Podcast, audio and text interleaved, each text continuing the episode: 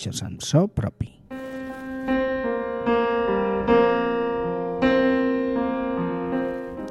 Amb so propi, un programa de Ràdio Taneu. Aquesta tarda estem escoltant el disc Songs Without Words.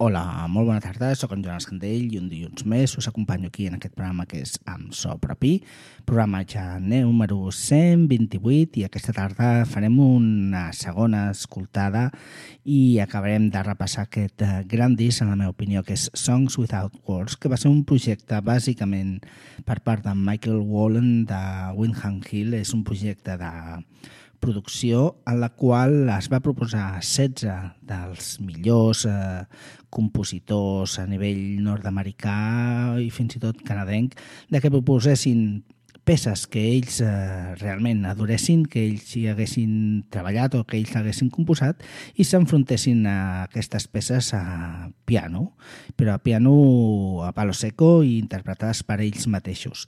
Molts d'aquests eh, músics eh, són simplement compositors, tenen un talent natural per la composició, però no són grans pianistes, tot i que són eh, famosament coneguts. Per exemple, ara hem començat a sentir una peça bastant icònica en, uh, i paradigmàtica amb el comentari que estava fent, que és la peça If You Ask Me To.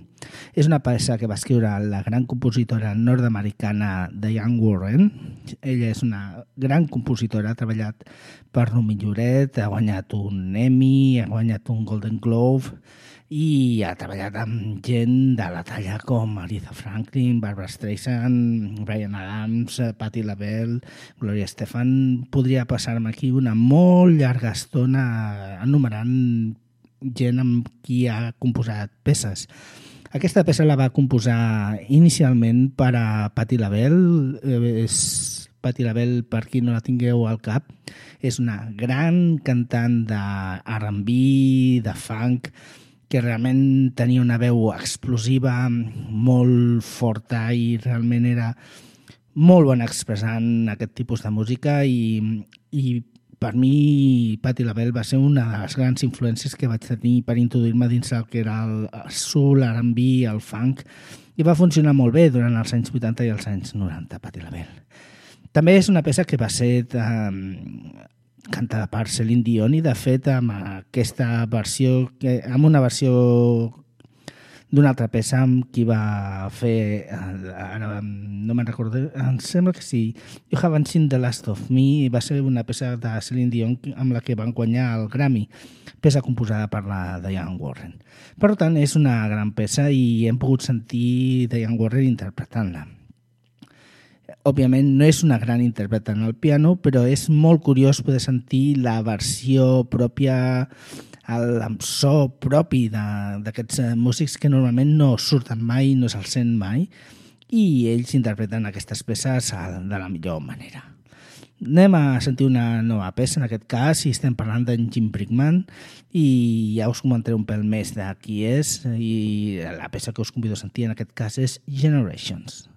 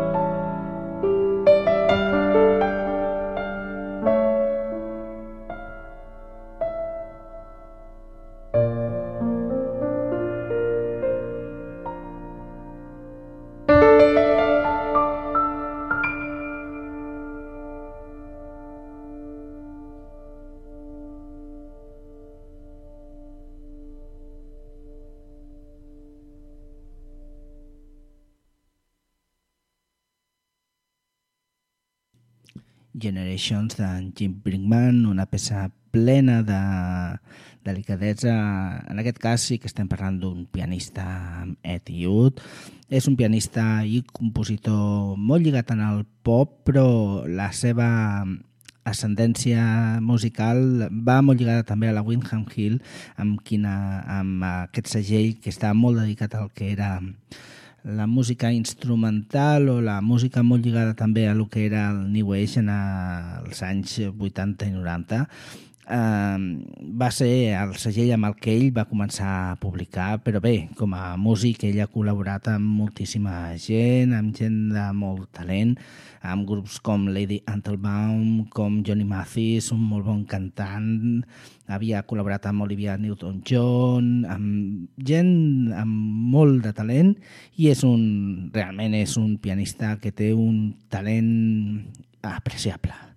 Anem a veure un, una següent proposta d'aquest disc i estem parlant d'un altre d'aquests eh, compositors que en aquest cas sí que ell ha publicat alguna coseta en solitari, tot i que no és molt coneguda.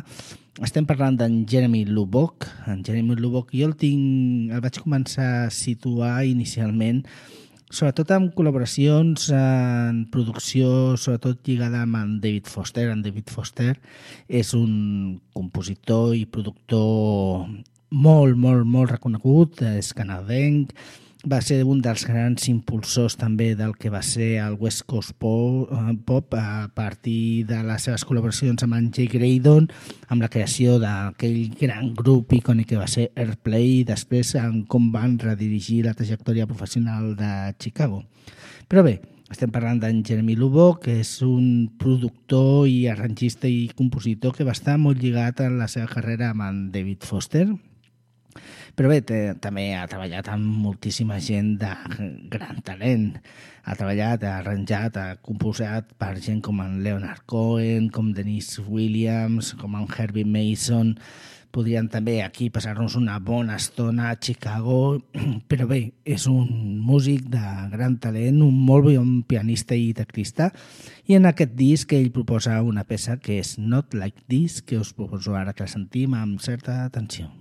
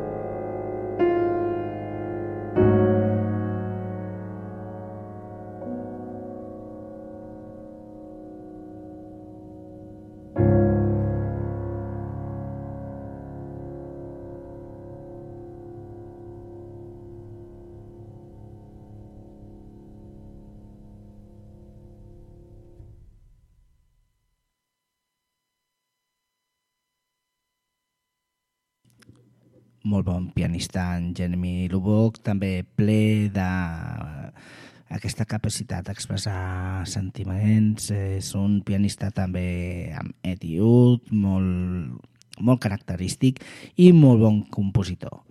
Anem a una nova proposta d'aquest disc que estem parlant, eh, que és Songs Without Words, i en aquest cas anem a parlar d'un altre pes passat, que va passar per aquest gran disc eh, produït per en Michael Wallen, per la Windham Hill, i en aquest cas estem parlant de Brian Wilson.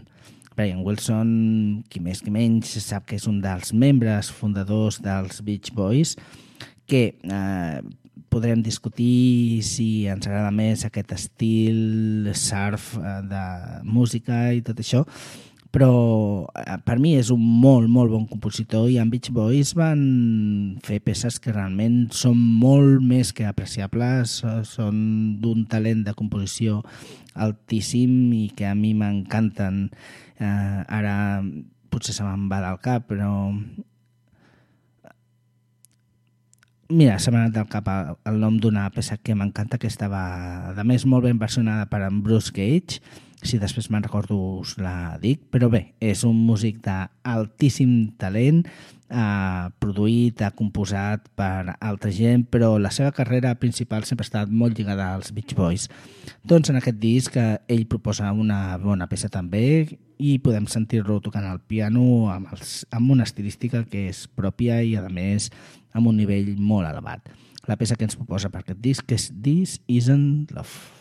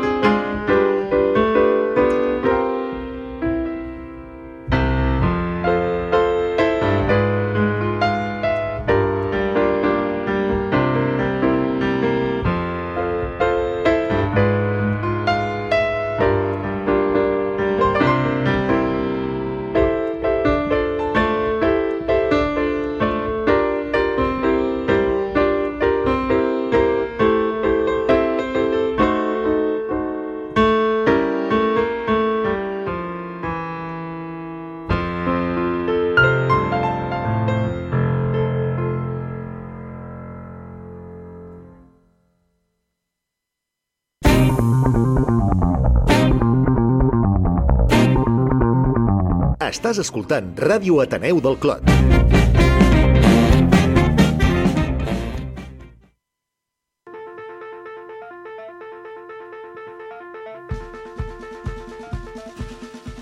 Bon vespre, Catalunya. Són les 8. Soc Natàlia Plana I jo, Carlos Rodríguez. i estem aquí a Auditoria Interna per auditar tot allò que vulguis. Auditamos libros, Conciertos, santos, insultos, discos. series Auditamos a tu madre si se deja y a tu perro si lo traes. y todas las cartas que nos quieras mandar. I ja sabeu, estem cada dos dimecres de 8 a 9 a Ràdio Taneu del Clot. Y todos los días en Twitter en arroba auditora interna. No us ho perdeu.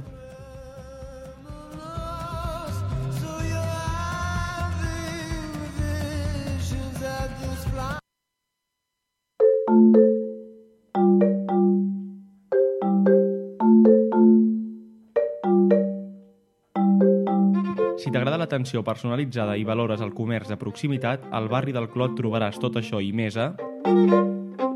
Xarcuteries Bosch, al carrer Mallorca número 558. Vinacoteca, al carrer València 595. amb la col·laboració de l'Associació de Botiguers i Comerciants de l'Eix Clot.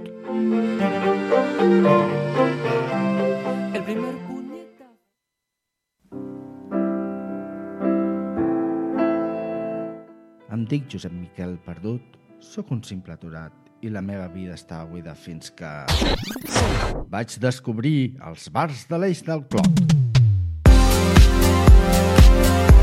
Ens trobaràs Bardo, carrer Rogent número 100. Bar La Unió, al carrer Freser número 92. Bar Sucro Calamargui, al carrer Sèquia Comtal número 7. Bra Cafè, al carrer Clot 8991. Siente, al carrer Rogent número 96. I can show you what you wanna see and take you where you wanna be. amb la col·laboració de l'Associació de Botiguers i Comerciants de l'Eix Clot. Sky is falling down. I know that we'll be safe and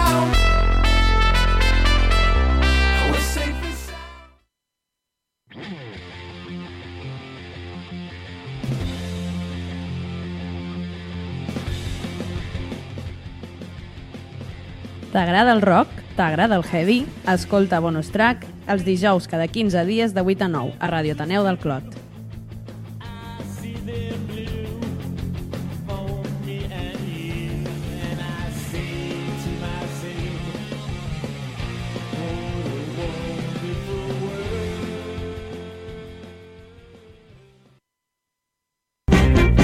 Ràdio Ateneu del Clot. Troba'ns a ateneudelclot.com barra ràdio i escolta els podcasts a iVox i a iTunes. Molt bé, ens havíem quedat sentint amb Brian Wilson amb el This Isn't Love, una bona peça ben interpretada, tot i que és una estilística de piano que a mi no m'atreu molt, és molt sec, és un atac molt directe, però és un bon pianista, òbviament, i molt millor compositor. Però si estem parlant ja de monstres de la composició, monstres eh, clàssics, anem a parlar de la següent proposta d'aquest disc i la següent proposta ve per part de dels grans, Stephen Sondheim, un dels grans dels musicals eh, nord-americans, un compositor enorme i un lletrista enorme. Ha passat per Broadway, la, la, les millors obres han passat per mans d'ell. Eh, Podem parlar lle- lletrista de grans obres magnes com West Side Story, com de Gypsy, ella ha composat també per grans obres com van ser Sweeney Todd, eh, Merrily We Roll Along, Assassins, Passion, The Frogs, Rod Snow... És un gran compositor i, a més, eh, és, està reconegut com un dels millors de l'escena nord-americana amb el que podríem dir que és, són musicals, eh, teatre musical. En aquest disc, en Stephen Sondheim es eh, enfrenta amb una peça que ell va composar per una banda sonora que va ser Dick Tracy de principis dels 80, interpretada per en Warren Beatty. Ell va composar tres o quatre peces per aquesta banda sonora i la peça que ell proposa per aquest disc és What Can I You Lose i és la peça que us proposo sentir ara, que podem perdre per sentir a Stephen Sondheim. hem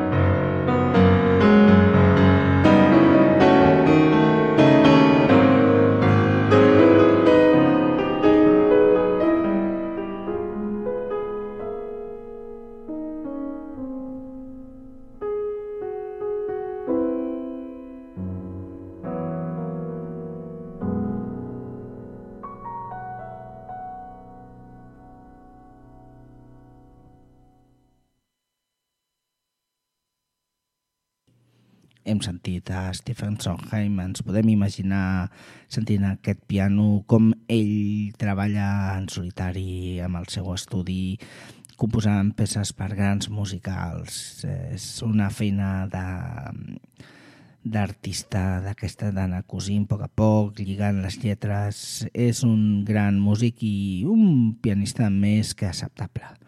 Anem a la següent proposta d'aquest disc i aquesta ve per part del propi productor i artífex d'aquest projecte que és Songs Without Words, que és en Michael Holland. En Michael Holland és eh, un músic potser no, no molt conegut, però ha treballat moltíssim per a televisió, composant jingles, composant, eh, composant soundtracks i elements per a pel·lícules, i fins i tot ha guanyat dos Emmys, eh, sobretot eh, lligats a bandes sonores per a sèries de televisió, Probablement la més coneguda és una sèrie de la HBO, que és How Do You Spell God, que es va produir el 1998 i amb la qual ell va arribar a guanyar un Grammy. Doncs res, en aquest eh, disc, Michael Wallen presenta una peça que ell proposa i aquesta peça és Life is a Circle. I res, anem a sentir aquesta proposta per part d'en Michael Wallen.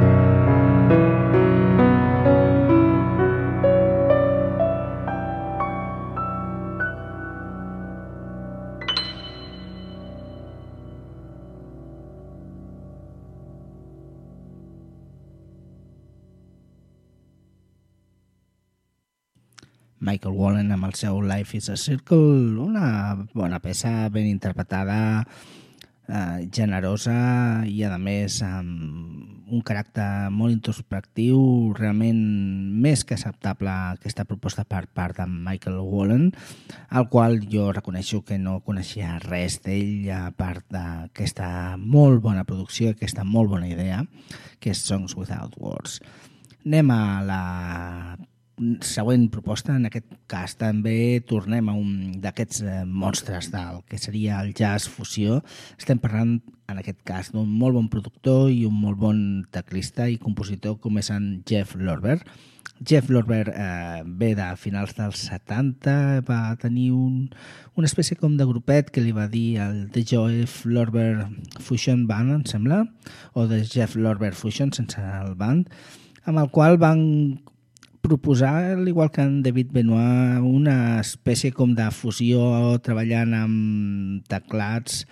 Eh, era una fusió entre el rock, el jazz, eh, tenia components eh, que també venir, que vindrien després al que seria el New Age, però res, en Jeff Lorber eh, va desenvolupar tècnicament aquests primers discs Després va com desaparèixer una miqueta, però a través de la GRP es va rellençar, a més amb una estilística que el va marcar molt, molt picada, amb un treball de teclats molt, molt, molt elevat, un gran compositor i fins avui en dia segueix eh, treballant, fent molt bones composicions, produeix de tant en tant i segueix publicant els seus propis discs.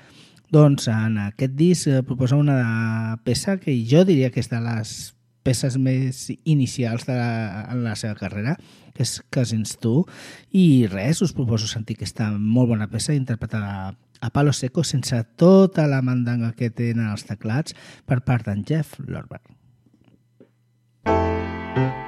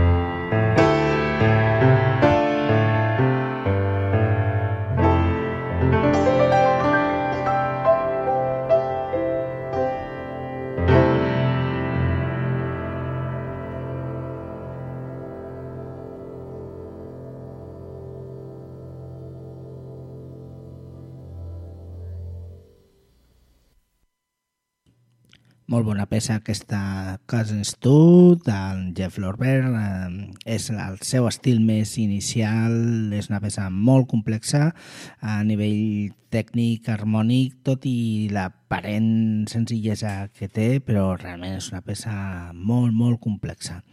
Doncs res, anirem enllestint ja.